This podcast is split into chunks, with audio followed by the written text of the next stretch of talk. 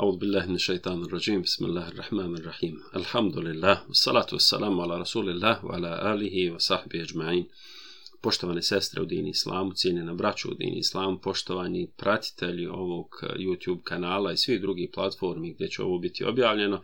Salamu alaikum wa rahmatullahi ta'ala wa barakatuhu i Ramazan Mubarak Olsun.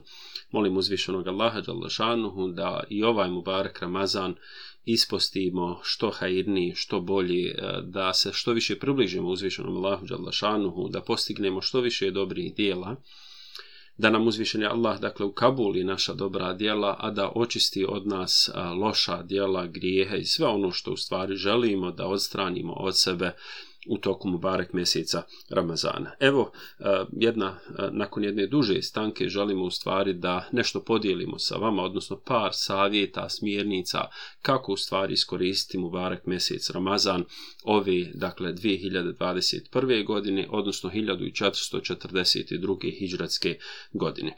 Kao što znate, e, živimo u veoma specifičnim okolnostima, Živi, cijeli ovaj svijet se nalazi u veoma specifičnim okolnostima koje zbunjuju i naj, što naš narod kaže, pametnije ljude, a dakle nešto dakle gdje se veoma teško snaći, dat konačne odgovore, dat dakle e, određene istine koje će svi prihvatiti i shvatiti da su one takve i tako dalje. I dakle zaista je e, puno toga pod jednom velikom presijom, pod jednom velikom kušnjom i dakle definitivno i mi kao vjernici treba da se prilagodimo novo nastaloj situaciji, da je prihvatimo kao takvu, da jednostavno shvatimo da je ovo u stvari vid iskušenja od uzvišenog Allaha Đalašanuhu svima nama, cijelom čovečanstvu i da jednostavno pokušamo u takvim okolnostima da budemo što bolji, da budemo što bogobojazni i tako dalje, o čemu ću nešto evo kasnije kazati. Naime, e, evo e, Mubarek mjesec Ramazan je nastupio, alhamdulillah doživjeli smo ga. Mnogi naši prijatelji, mnogi naši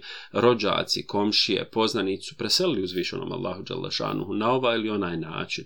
Dakle, ovo je svakako prilika da ih se sjetimo, da zamolimo Allaha Đalešanuhu da oprosti njima, da oprosti nama, ali u isto vrijeme jedna, jedno upozorenje ili opomena svima nama da niko od nas nema garancije da ćemo dočekati sljedeći Mubarek Ramazan. Dakle, ovo je izuzetno važno da shvatimo da je Mubarek Ramazan u stvari jedan veliki poklon od uzvišenog Allaha Đalašanuhu, poklon nama da se očistimo, da očistimo naše duše, da se približimo Allahu Đalašanuhu, da naša duša u stvari preuzme primat nad našim tijelima, nad našim nagonima, nad nama samima i tako dalje. Dakle, da očistimo, spoliramo naš naš duh i da on bude u stvari primarno bića našeg tijela kako on u stvari i jeste i da on bude ono što naša ličnost u stvari i jeste.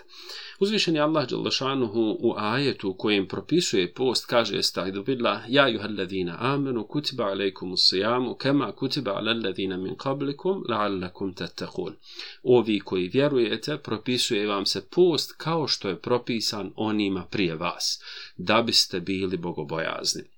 Uzvišeni Allah u ovom kuranskom ajetu e, govori nam o dvije stvari. Prvo, da je post kao takav ili razni oblici posta kroz ljudsku historiju su propisivani različitim božjim poslanicima, odnosno svim Božim poslanicima, odnosno svim objavama e, kroz sve historijske periode uzvišeni Allah Đalašanuhu propisivao je post ili oblik posta. Dakle, to nam gospodar svjetova otkriva. Mi ćemo naći u tefsirima brojni, e, brojna mišljenja, stavove kako su raniji poslanici postili, koliko dugo su oni postili, od čega se sastojao taj post, kako se on razlikovao od našeg posta i tako dalje.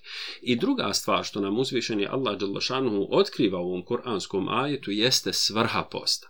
Dakle, svrha, centralna ili glavna svrha posta jeste u stvari razvijanje naše bogobojaznosti. Šta je dakle bogobojaznost?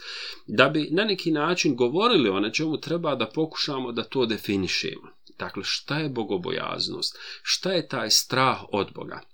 Dakle, jedini strah koji nije negativan, koji nije na neki način nešto što, što je nužno loše po čovjeka ili na neki način jeste u stvari upravo ovaj strah od dragog Boga, odnosno bogobojaznost. Dakle, bogobojaznost je koncept u kome u stvari čovjek se pokorava Božjoj volji, u kome čovjek se trudi onoliko koliko god je u mogućnosti, dakle da bude a, svugdje onda gdje uzvišen je Allah Đalašanuhu naredio da taj čovjek bude, da radi sve ono što je Allah Đalašanuhu naredio da čovjek radi, a, da ne bude tamo gdje je Allah Đalašanuhu zabranio, dakle da se bude i dakle da se ne radi ono što je gospodar zabranio da se radi. Dakle, to je jedna od definicija bogobojaznosti. Bogobojaznost u stvari jeste naše življenje po Božijim propisima, koliko god smo mi to u mogućnosti. Dakle, to je jednostavno još jedna definicija bogobojaznosti. Dakle, bogobojaznost znači naše znanje, naša spoznaja uzvišenog Allaha Đalešanuhu, naš strah od uzvišenog Allaha Đalešanuhu, naša duboka svijest da ćemo se vratiti uzvišenom Allahu Đalešanuhu i tako dalje. Dakle, e, E, mjesec Ramazan, e, evo alhamdulillah koji smo doživjeli, dočekali i dakle koji imamo priliku dakle da postimo, da činimo dobra djela u njemu i tako dalje, je u stvari jedna škola naših života.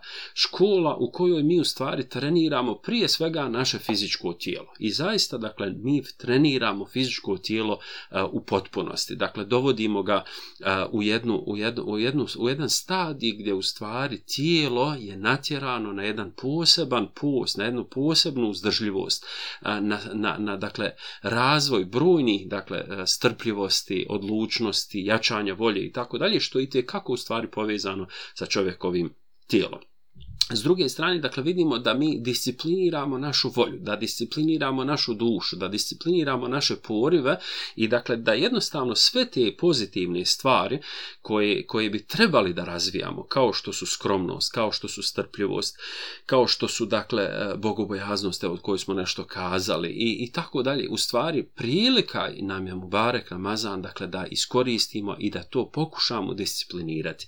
Jer zaista treba puno odlučnosti da čovjek čovjek dakle isposti 16, 17, 18 sati, e, dakle neprekidno i to dakle ne uzimajući bilo šta e, što narušava post, dakle bilo kakvu hranu, bilo kakvu piće ili bilo šta drugo dakle što će pokvariti, što će pokvariti post. Tako dakle da mi zaista discipliniramo naša tijela i to je jedan zaista od veoma važnih aspekata posta. Nema nikakve sumnje da je post izuzetno zdrav i mi imamo situaciju da možemo pratiti da postoje neke dijete koje oponašaju naš ramazanski post. Dakle, jedna od poznatih dijeta jeste ona dijeta gdje se posti, kako oni kaže, dakle uzdržava od hrane nekih 16 sati, a onda se 8 sati konzumira hrana. Dakle, u ovih 16 sati oni mogu konzumirati vodu i niskokalorična pića, a ne uzimaju, ne uzimaju hranu. Dakle, koja je razlika između toga i ovog našeg posta? Prva osnovna razlika, što mi postimo radi dragog Allaha Đalašanu. Dakle, ne postimo prvashodno radi naših tijela, ne postimo čak ni radi našeg zdravlja, ono nije prioritet. Dakle, prvi prioritet jeste Allahu u zadovoljstvo.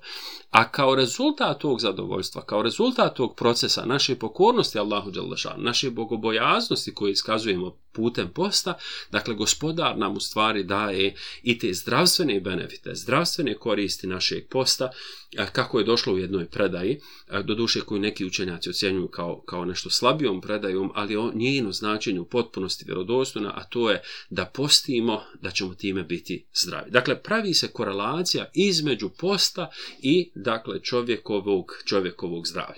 I dakle, mnogo naučnih studija koje su rađene u svijetu, pogotovo od strane zapadnih znanstvenih istraživača pokazalo je da zaista postoje velike koristi od posta, odnosno sustezanja od hrane i pića i svega onoga dakle što kvari post. S druge strane, poslanik sallallahu alejhi ve sellem također nas uči da e, kako kaže poslanik sallallahu alejhi ve sellem, "Men lam yada qawla zur wal amali bihi fa inna Allah laysa bihajatin an yada ta'amahu wa šarabe ko ne ostavi ružan govor, ko ne ostavi postupanje koje je ružno ili postupanje po tom ružnom govoru, dakle, nema potrebe nikakve, dakle, da ostavi hranu i piće. Dakle, uzvišen je Allah prije nego što ostavimo hranu i piće, traži od nas da kontrolišemo naše jezike, da kontrolišemo naše oči, da kontrolišemo naše uši, da kontrolišemo ono što govorimo, što radimo i tako dalje.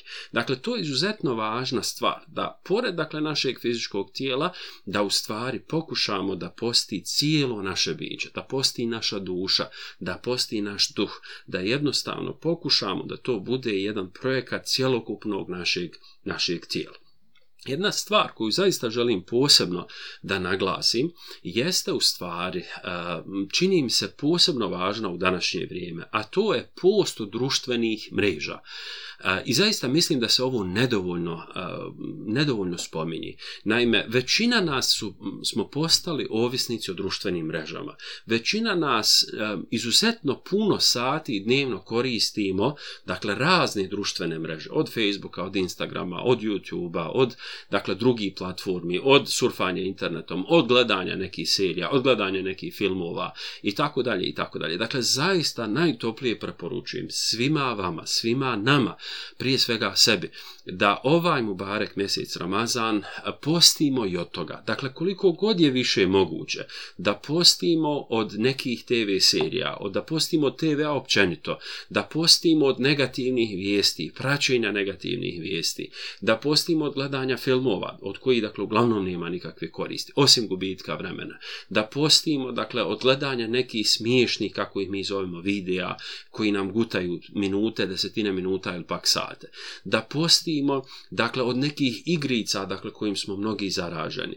Dakle, jer nam sve su to gutači vremena koji nam uzimaju vrijeme, a mi onda kažemo, eh, nemamo vremena za neke preći životne, životne stvari. Dakle, zaista je ovo jedan apel i poziv svima nama da se zaista pođemo više kontrolisati i na društvenim mrežama i da pokušamo, dakle, da postimo od društvenih mreža koliko god je to više moguće. Jedan profesor doduše opet na zapadu, je tražio od svojih studenata 48 sati da postoji od društvenih mreža.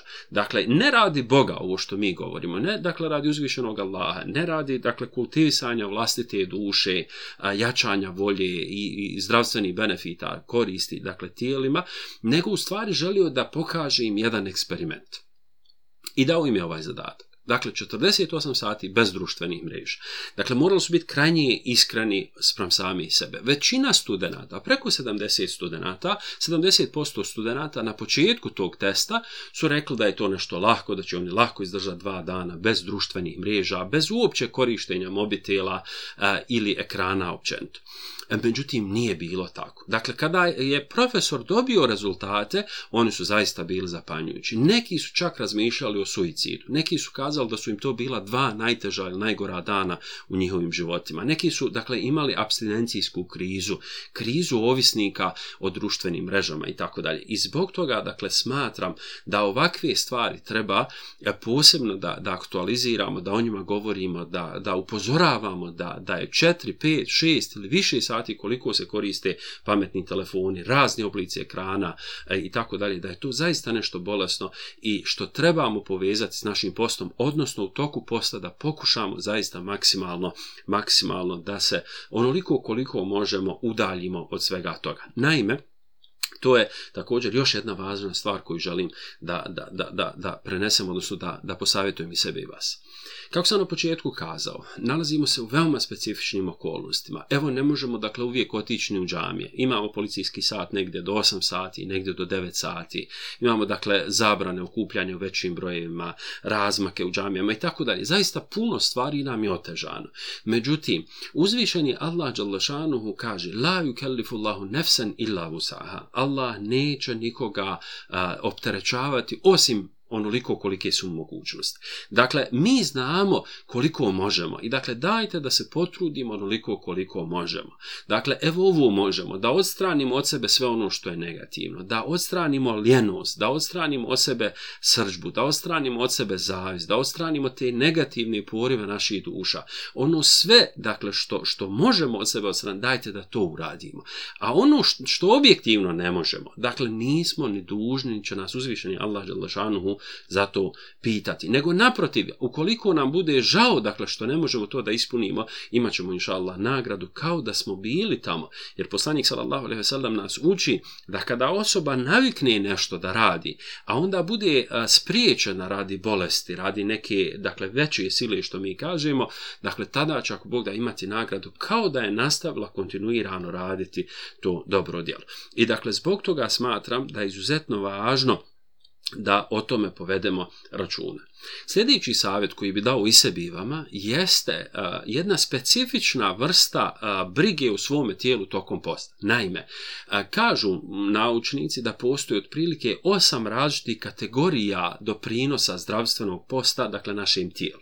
Pa imate tamo zdravstveni koristi za mozak, zdravstvene koristi za krno, žilne, krv, žile čovjeka, srce, moždani i tako da, dakle, sav, sve te sisteme koje imamo u čovjeku, pa za, za, za jačanje čovjeku čovjekovog imuniteta, pa e, upalnih procesa u čovjekovim, čovjekovom e, organizmu općenito, dakle pojedinim organima i tako dalje.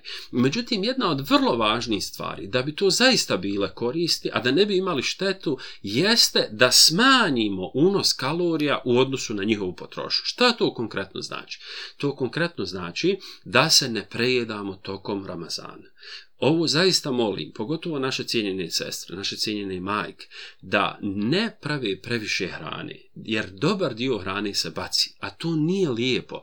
Dakle, možemo čak biti pitani za to. Dakle, treba praviti umjerene količine hrane, ne treba previše jemeka stavljati, jer ljudi dolaze onda u kušnju, onda se prejedamo, onda, dakle, zaista teže poslije dišemo, teže to, to varimo i zaista imamo problema i na našim iftarima i na našim sahurima. Dakle, Dakle, sa probavom tolike količine hrane. I onda imamo probleme, kaže neko, kaže, ja sam se udebljao u Ramazan. Kako ćeš se udebljati u Ramazan? Pa tako što si unosio više u svoje tijelo nego što je tvoje tijelo trošilo. I dakle, samim tim Nažalost, upitno je koliko uopće imamo ovi zdravstveni koristi koje sam e, želio želio dakle i nešto više da kažem, ali evo ne želimo da u to e, previše ulazimo. Naime, dakle e, naša briga o našim tijelima treba da bude i u toku Ramazana. Dakle da se krećemo, da imamo određene aktivnosti, da imamo dakle e, fizičke aktivnosti, da umjereno vježbamo, da održavamo našu tjelesnu formu.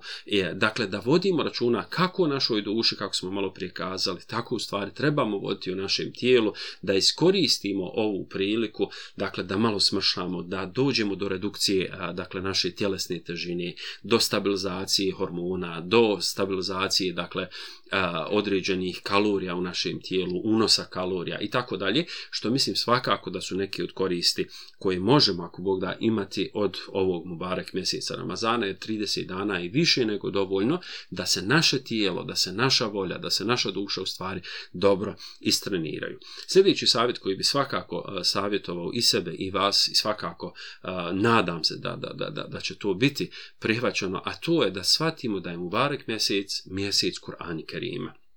mjesec Kur'an Kerima. Dakle, nije to mjesec televizije, nije mjesec Facebooka, nije mjesec Instagrama, nije mjesec Jemeka, nije mjesec, nego mjesec Kur'an Kerima. I zaista bi svi mi trebali da se potrudimo da što više vremena u ovom Mubarek mjesecu iskoristimo da učimo Kur'an Kerim, da ga učimo na različite načine, da ga učimo na arapskom jeziku, da ga učimo na bosanskom jeziku, da ga učimo na nekom drugom jeziku koji poznajemo. Dakle, možda ne znamo dobro čitati na arapskom, možda ne znamo ima dakle oni koji ne znaju čak ni bosanski, nego njemački, engleski ili neki drugi. Dajte da im omogućimo da uče Kur'an i Kerim, da završi makar jednu hatmu Ramazanu, da razmišljaju o Kur'an i Kerimu, da razmišljaju o njegovim porukama, da razmišljaju o Allahovim u smjernicama, da razmišljaju o svome odnosu spram Kur'an i jer to su zaista sve e, pozivi ovog Mubarek mjeseca Ramazana. I dakle, zaista, evo, lijepa vijest je da će biti kabila, alhamdulillah, da će se ona prati preko društvenih mreža, ali možemo ih i mi praviti u našim kućama, možemo ih praviti dakle s našim porodcama, možemo se truditi da svaki dan proučimo po jednu, dva, po jedan e, džuz, dva džuza, tri džuza ili čak više džuzeva, dakle ili na arapskom jeziku ili na bosanskom jeziku ili na neki drugi način. Dakle, najbolje je bilo i na arapskom i na bosanskom i eventualno uz komentar čitanje Kur'ana i Kerima.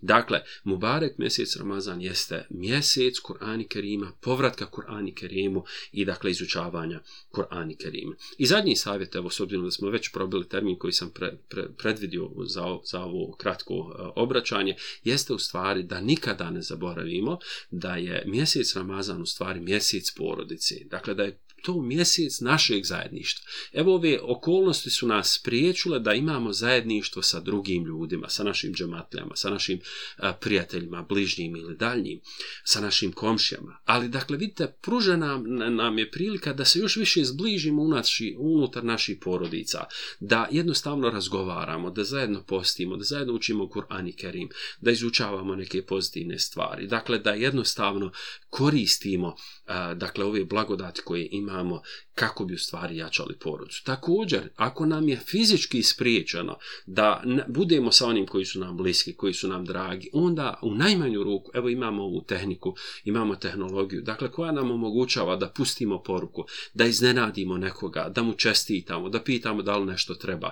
Pogotovo ove insane koji su oboljeli, koji su iskušani ovom bolešću dakle, i, i posljedicama ove bolesti COVID-19 ili kako se već sve to naziva, što se dešava u, u, u, ovom turbulentnom vremenu, dakle, da jednostavno iskažemo našu brigu, mislim da će to biti svakako jedna veoma važna stvar.